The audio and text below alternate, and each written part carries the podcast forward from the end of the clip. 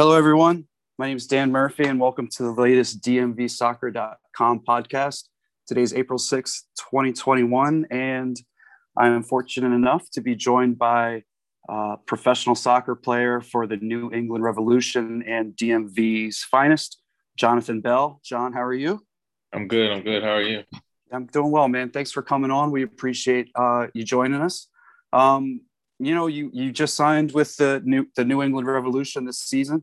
Uh, just to bring everyone up to speed, you're getting uh, some time with New England Revolution two last season under Clint Peay, uh, head coach, who's also from the DMV area. If you've ever been to the SAC building, his jersey's hanging right there. Um, and he also did a lot of match assessments for the, the Development Academy um, during its day. But um, JB, you know, went from kind of a left back position at, at UMBC and made the uh, the switch to center back at the pro game, pro game and, and seems to be uh, flourishing. So, you know, JB, we'll just get right into it. I mean, you know, making a switch from left back to center back. I've read all your your interviews, and you, you said you've kind of taken to it. What, what's one of the biggest obstacles in making that switch? And um, you know, how are you liking it so far?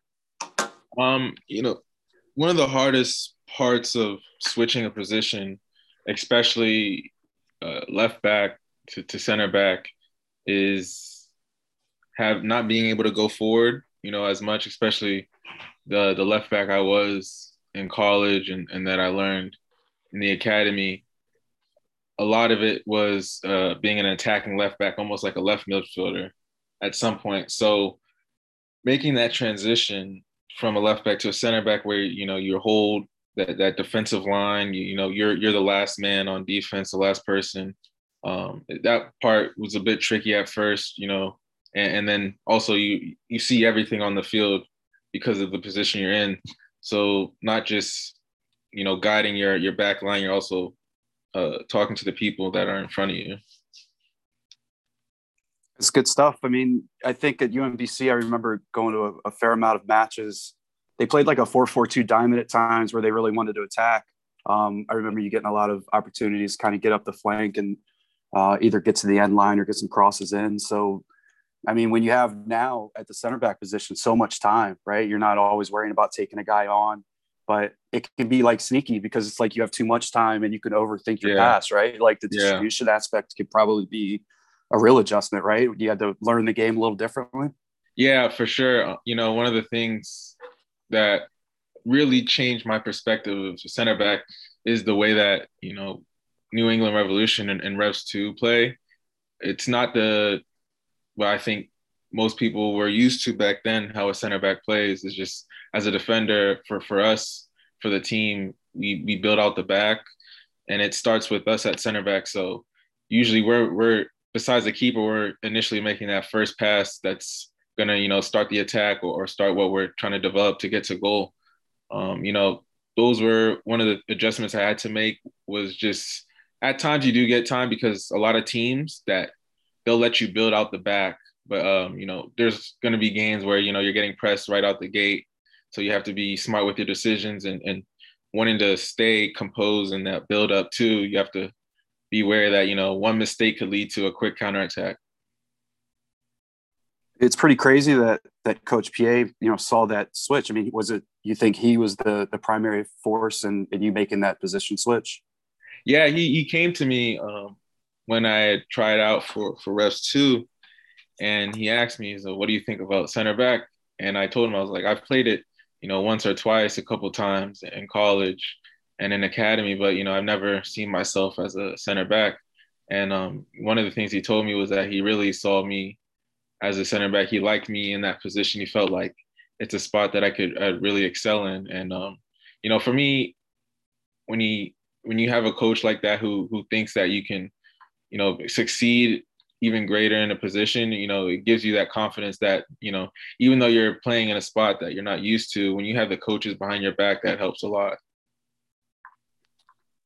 So, you know, we had at the Bays, we were we had a 99 group that got to watch you guys play a lot in that um, you know, U U18 DC United squad. But when Coach Peay was um was you know in charge of that territory and, and doing a lot of the assessments. We had a kid that played left back, and you know he went on to play D1. He's at a D1 school right now, but we never really saw him as a center back. But he just kind of said to or somebody at U.S. Soccer, I'm pretty sure it was Coach Peay, said, "Why don't we get a couple games at center back?" And you know, as coaches, sometimes you you you never really know what positions kids end up, you know, going on to play in college, but you're so used to seeing them play as like a left back. But he, he ended up being like a way better center back, which is crazy because yeah. um, sometimes you just need like those.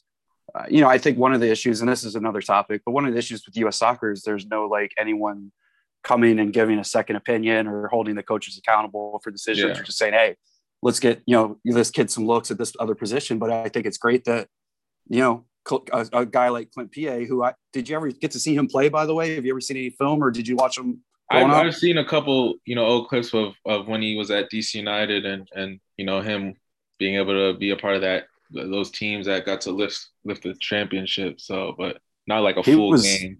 He was a good player, man. I mean, this is a you know a savvy. Back in those days, U.S. soccer, it was like you got a lot of guys who kicked and ran and fouled and didn't really know how to play, but he, he knew how to play. I mean, he got national team caps yeah. Um, so it, has got to be a, a, fortunate situation for you to come across a guy like that who really not. I'm not saying that coaches don't know what they're doing, but he obviously um, has a next level awareness of the game. So it's it's great for you. And, and obviously you had the social media thing going on, right? It was like call up Jon Bell or something like that. It was a whole hashtag. Yeah, yeah. Everything. Um, like that's that's the next Bell. level start. yeah. yeah, that's that's great. It's great. I mean, I saw that you were leading the league last season in passes, or you were up there in terms of number of completed passes. Um, so yeah, I mean, it's crazy. I watched you play in college. I can't say that I saw a center back in you, and I don't know if Pete Caringi would say that he did either. I mean, it's yeah. um, it's just crazy how that works out. Um, yeah, and maybe even like yourself, and I know your father comes to a lot of your matches. Probably said the same thing. So, um, well, let's talk about those DC United Academy days. I, I, I found just a quick like old roster, and I'm, i was going through it, and uh, pretty stacked up. I mean, it was you, Brandon Williamson, um, Miles Robinson, Grant Robinson, Donovan Pines, Lucas Mendez, uh, Colin Juwan, Avion Flanagan, Ao, uh, you know, Max Edwards, Chris Durkin, Dom Duncan, um, Jose Carranza. I mean, and yourself, and the list goes on, man. You guys didn't yeah. lose many, many matches. I don't think it was uh, Tom Torres' group, right? Yeah. Yeah. I mean, what do you remember from those academy days? Do, you remember any of those Bays matches? I, oh. you guys usually won eight, nine, not 10, nothing most of the time. That was, yeah, that group was rough, it, man. It's funny because my like first time, first game, I still remember. It was, I think maybe U thirteen or U U thirteen maybe when I first joined DC United Academy, and that was when I went from being a striker to a left back. We played Bays my first game as a left back, and I played absolutely terrible. Like that was I, I still remember the game just because I played so bad, and like every time I didn't know how to position myself proper on defense and just I was all over the place in that game. But um, you know, that team was just really great overall because a lot of us on that team grew up together, you know, outside the academy playing against each other in club, you know, when we were uh, you know, our, our, our like local teams. So you were at MSI uh, and then some other yeah, guys from that area.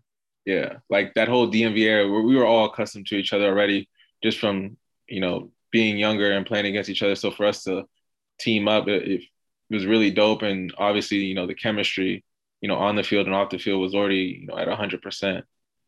But a little crazy that none of those guys end up playing for DC United. I mean, that still blows my mind that Chris Durkin, I mean, AO, yeah.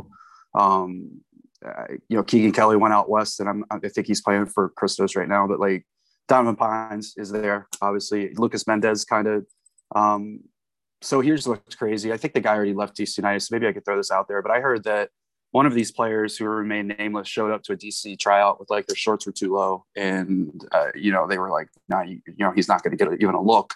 Um, but it's just crazy that they can't keep any of these kids around. Brandon Williamson, obviously. So you know, it's it's you guys were fun to watch because like yeah. when we were at U15, U16, we'd watch you know the matches before us, and, and same when you were at U15, 16. So it would be like Eryk Williamson just goes off for like two or three goals mm-hmm. real quick, and then you know Lucas Mendez is, is getting goals. But um, yeah, I mean it's quite a group. So you know, I remember that you did commit to UVA. Did you ever go to UVA, or you had ended up switching your commitment to UMBC? I did. Uh, I got to visit UVA, and um, I played. I forget what it was that I had played in, but I, I got to visit the school and the stadium, and we did like a couple like practice games. I guess it was with other kids who were like in a pool that they were scouting at the time. But uh, you know, obviously the the commitment like fell through and and UMBC was was there to help me, you know, because it was I was pretty in a, a tough situation and, and, Pete had got in contact uh, with my coach and you know he thought this would be a great opportunity for me. Well, it I've heard about Coach Caringi's coaching style, and it, maybe it was a good thing for you. I mean, what, what do you remember your freshman year? Um, I know a lot of guys end up being a fish out of water their first game or two, but yeah. Um, what do you remember about how things started there at UMBC? I mean, it was great experience for me. You know, he gave me a lot of freedom to to be myself and be an attacking left back. And um, you know, credit to him, but also to Adams too, because Adams was was the one that you know he reminded me that I'm a defender first and then an attacker second. So you know, when you have two guys like that who who are both you know very strong and you know confident what their their philosophy is in terms of a player, you know, they gave me those tools to help me excel in my game at being a left back, attacking wise and defensive wise. And you know, that freshman year for me was just it was uh awakening because you know, you play a game with guys who you know might not all have that like same skill that you would see in academy, but you know, the game was played at a quicker pace. You had guys who were stronger and just a lot more fitter.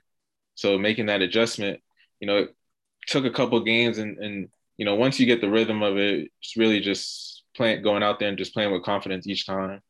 You're, you're far from the first person to say that, right? You go from the academy, which is very technical, and, and yeah. you, you're getting sessions in, but then you go to college, and it's more like, you know, I've talked to coaches about this. A lot of it's like re- recovery and prep, um, you know, just getting ice baths, and sometimes yeah. you don't even get to run full sessions, so it's like a completely different game. But and obviously a lot more physical. But you, um, I remember seeing you on a, a, knee brace at Navy. You had uh, picked up an injury, I think your junior year. Didn't you miss a lot of your your junior year with an injury? Yeah, I uh, I broke my my kneecap, fractured my kneecap in a preseason game against George Mason. Uh, first time I had ever like broken anything, and uh, that was really like hard for me, just because that was like my first like serious injury I've ever had.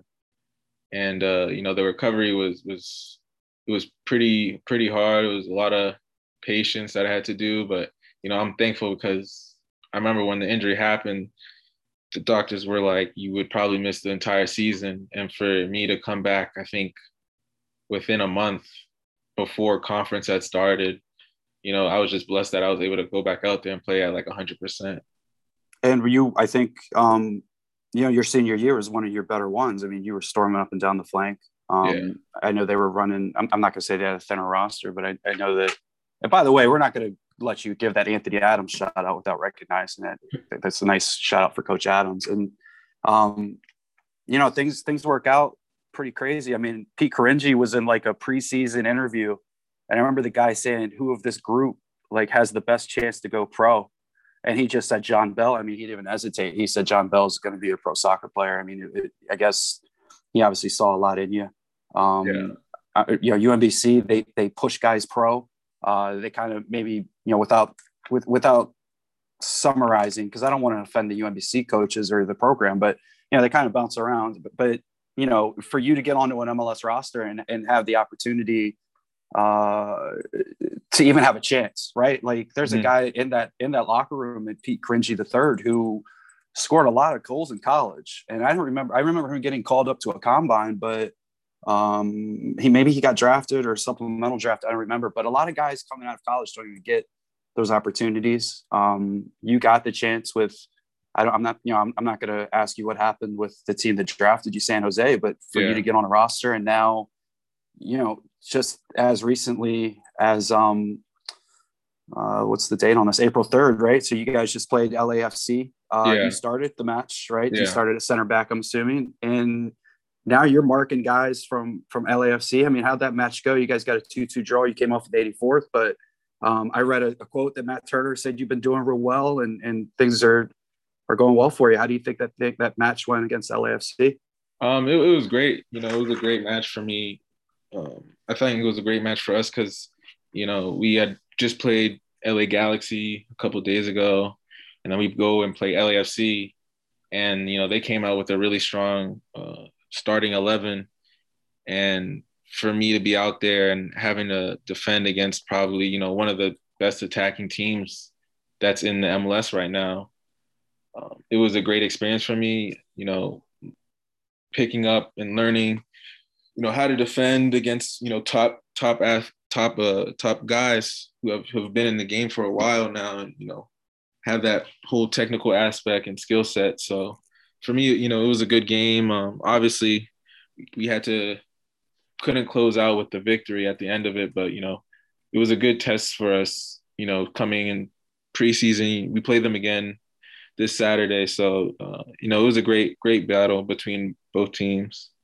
You asked Freddie kits yet? Was Vela out there? Like, do you ask Carlos Vela for a shirt, or who have you have you no, gone down that road it's yet? Funny, I was I had he was my like a marking assignment on defense. Oh, jeez. Yeah, just he's like, don't you know the ball's in the attack. You know, make sure you know where he is at all times. But um, it was it was pretty dope to to you know be on the same field as him and and Rossi, and you know, um, I'm hoping that I get a lot more opportunities like that. You know, this season with other teams in the league. Vela is not just a. I don't want to say this the wrong way, but Vela, you know, he's a Real Sociedad and he's balling. Like I don't know if you got to watch him play a lot, but he's got to be a tricky guy to, to defend because he's probably finding space everywhere and just oh, have to.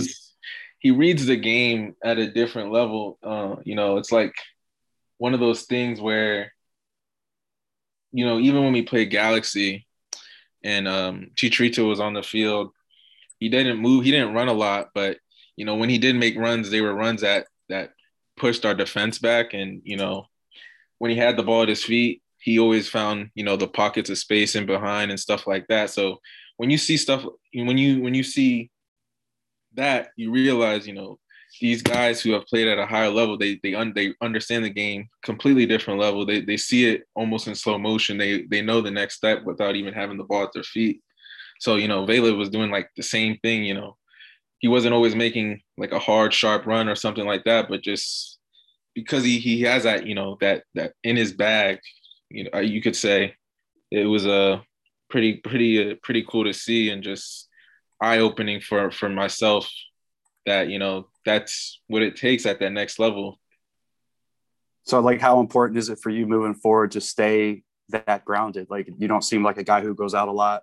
Um, you know, I mean, what are you focused on this season in terms of I'm only focused on soccer or like just in terms of keeping your mindset? Um, for me, it's it's partial, you know, keeping keeping my body healthy and also, you know, the mental aspect of it too. Cause it's a long season. And, you know, for me, my goal this year is just to get on that match day roster as much as possible. Uh, yeah it, it's it's it's it's a process. It's a ladder that I'm climbing right now. You know, because obviously there's guys in front of me at center back.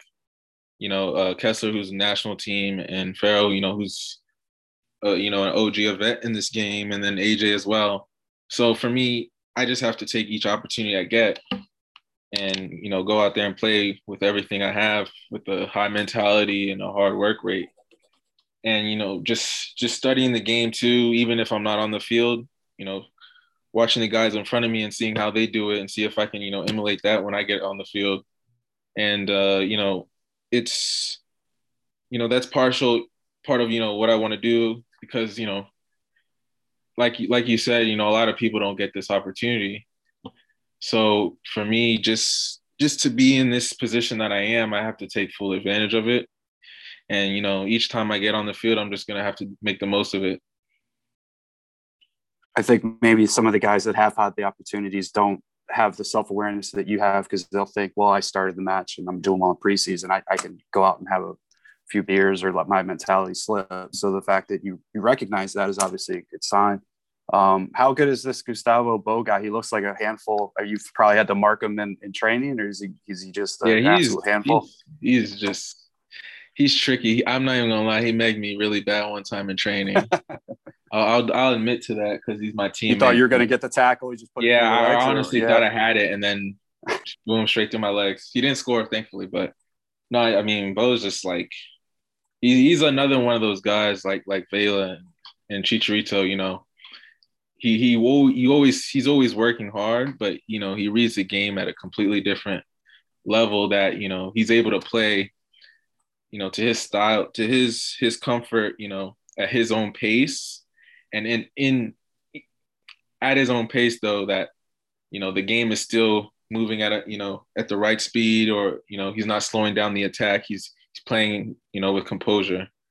So uh, you know he's he's a great great great teammate and a you know a great striker too. I saw the golf highlight. It looked like he I, I could try that golf shot 20 times. I wouldn't have got it on but um, yeah he looks he looks physically like a handful he looks like a beast um, who are some of the local guys who you lean on for advice? I'm assuming AJ DeLaGarza is helping you out as much as he can and, and giving you some advice. Who are some of the other local pros who just kind of told you what to expect or who you can lean on for advice? Yeah, you know, um, AJ's like one of the guys I talk to a lot, you know, for for advice into being a center back. You know, he's been in the game for a long time. And, uh, I didn't even know he was from the DMV. I didn't know he went to to Maryland. So he played for like, Chesapeake Chesapeake uh, Dragons with my brother yeah. and, and, a couple other guys. Yeah, he's local through through it. I'm pretty sure. Yeah, I was when he told me, I was like, oh wow, that's dope. Like you know, and just off that, you know, we kind of bonded just because you know we're both from the, the same area. So you know, whenever you know I need advice or something like that, I can always. It's always good to have someone that you can go to to ask questions, you know, about your game and about how to, you know, make yourself as a better player. So let's switch topics. I've seen you tweet about well, shoes probably more than anyone. I'm assuming some of that contract went to StockX, and then um, the show Snowfall, which I appreciate. I, I, did a binge.